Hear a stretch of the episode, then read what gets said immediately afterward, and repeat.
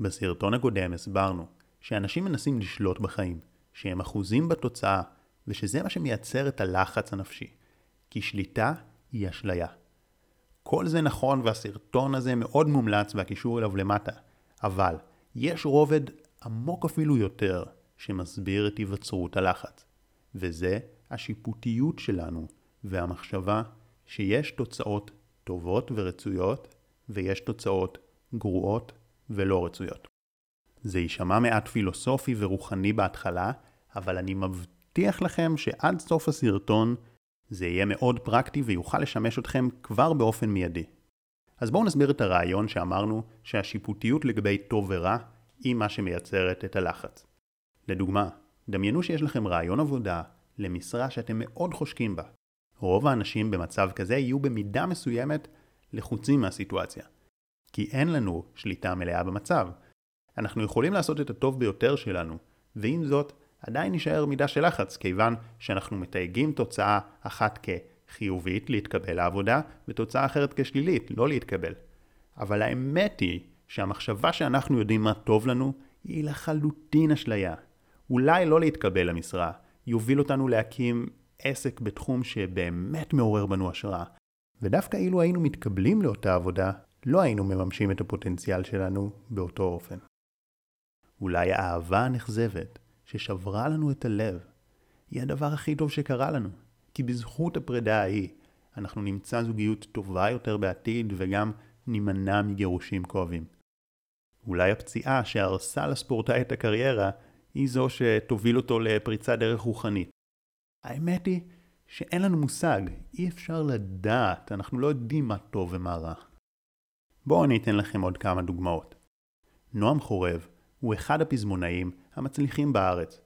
בין שיריו נמצאים לעיתים כמו מתנות קטנות של רמי קליינשטיין, כשאחר של אייל גולן, שזכה בשיר העשור של גלגלצ, ועוד עשרות לעיתים שהולחנו ומאות טקסטים שהועלו לרשתות החברתיות ושקיבלו חשיפה אדירה.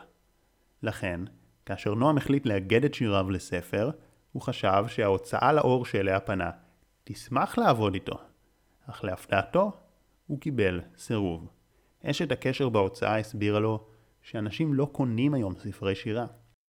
נועם מספר שהסירוב הזה כמעט ריסק אותו. כשבן זוגו הגיע הביתה הוא מצא את נועם שוכב משובלל בתוך עצמו על הספה, וברגע שהבין מה קרה אמר לו, אתה חושב שזה רע, אבל אתה תראה שזה הדבר הכי טוב שקרה לך. ואכן כך היה. נועם הפיק את הספר בהוצאה עצמית, מה שאפשר לו חופש הרבה יותר גדול ביצירה, וגם שמר את זכויות היוצרים אצלו. הספר מכר בשנה הראשונה מעל 70 אלף עותקים, נתון יוצא דופן בכל קנה מידה, שלא בטוח אם היה מתרחש באותו סדר גודל, ללא אותו סירוב של ההוצאה. וגם אם זה כן היה מתרחש, אז עיקר הרווחים על הספר היו הולכים להוצאה ולא אל נועם עצמו, ובכמויות כאלו של עותקים מדובר בסכומים גדולים. עכשיו הדוגמה על נועם הייתה light. קל לקבוע שבסוף זה יצא לטובה ואפילו בזמן אמת הוא הצליח לראות את החיובי, אז עכשיו בואו נדבר על דברים שיותר קשה לאנשים לקבל. לדוגמה, בזמן שכתבתי את המאמר שאני מקליט עכשיו לסרטון, התחוללה בעולם מגפה שמלבד הקורבנות שהיא גבתה, היא השביתה את המשק וכלכלת העולם כמו שטרם ידעה האנושות. ועכשיו בזמן כתיבת המאמר יש סגר שהוא כנראה רק הראשון. עכשיו יכול להיות שאנחנו חושבים שזהו דבר איום ונורא. יכול להיות שאיבדנו את מקור הפרנסה שלנו והיינו סבורים שזה סוף העולם מבחינתנו. אבל האמת היא שאנחנו לא באמת יודעים מה טוב ומה רע. יכול להיות באותה מידה בדיוק שמה שקורה עכשיו עם המגפה הזאת זה הדבר הכי מדהים שקרה לנו באופן אישי, ואפילו הדבר הכי נפלא שקרה לאנושות, ופשוט מהפרספקטיבה הנוכחית שלנו, אנחנו לא מזהים את זה. ייתכן שעכשיו שאתם קוראים, ובטח אם אתם צופים בסרטון שהוקלט מאוחר יותר, המשבר כבר מאחורינו, וקל לכם להתחבר למה שכתבתי, ולזהות איך הרגעים שסברנו שהם נוראיים, הביאו איתם הזדמנויות נדירות. יחד עם זאת, תדעו שגם בדיעבד לא נוכל תמיד לדעת האם הדברים התרחשו לטובה או לרעה, כי אף פעם אי אפשר לדעת מה היה קורה אם המשבר לא היה מתרחש, ומאחר ואנחנו לעולם לא יכולים לדעת, הכי טוב זה לשחרר את השיפוטיות הזאת של טוב ורע, ולהכיר בעובדה שאין לנו שמץ של מושג. בואו נעשה תרגיל מחשבתי להשתחרר מלחץ ומאשליית הטוב ורע. חישבו על החיים שלכם עד היום, ונסו לבדוק האם יש אירועים שבהתחלה חשבתם שהם איומים, ובדיעבד הם קידמו אתכם. אני יכול למצוא הרבה כאלו בחיי. לדוגמה, אם לא הייתי חווה חרדה חברתית בתור ילד. לא יודע אם הייתי נפתח לעולם ההתפתחות האישית, הפסיכולוגיה והרוח בגילאים כל כך צעירים. דוגמה נוספת מפורטת בהרצאה שהעליתי ליוטיוב בשם הערכה עצמית בילדות ובבגרות. שם אני מספר איך הרגע הנמוך והגרוע בחיים שלי הפך לנקודת המפנה הכי חיובית. אגב, בתרגיל הזה לא חייבים לחפש רק את האירועים הדרמטיים ביותר ואת נקודות המפנה של החיים. זה טוב למצוא גם אירועים קטנים מהתקופה האחרונה. אצלי לדוגמה, במשך חודשים שכב בעובר ושב כסף שיעדתי להשקעה.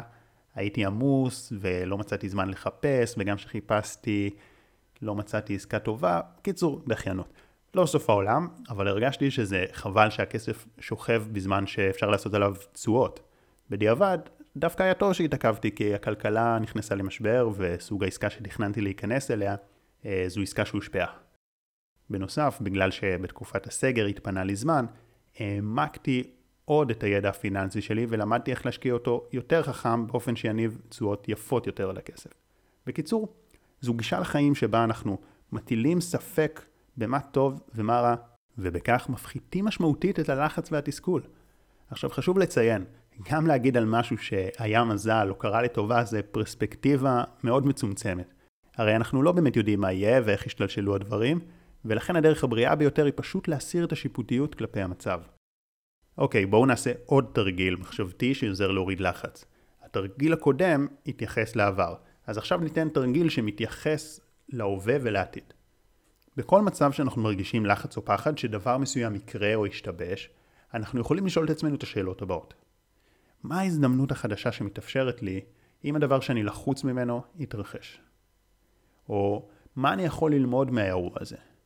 או מה אפשרי שצופן לי העתיד לחיוב? מענה על השאלות האלו פותח לנו את החשיבה, מעודד ובעיקר עוזר לנו להפנים את הרעיון שאין לנו מושג, אנחנו גרגר חול באוקיינוס ענק ומורכב שמושפע מאין סוף כוחות.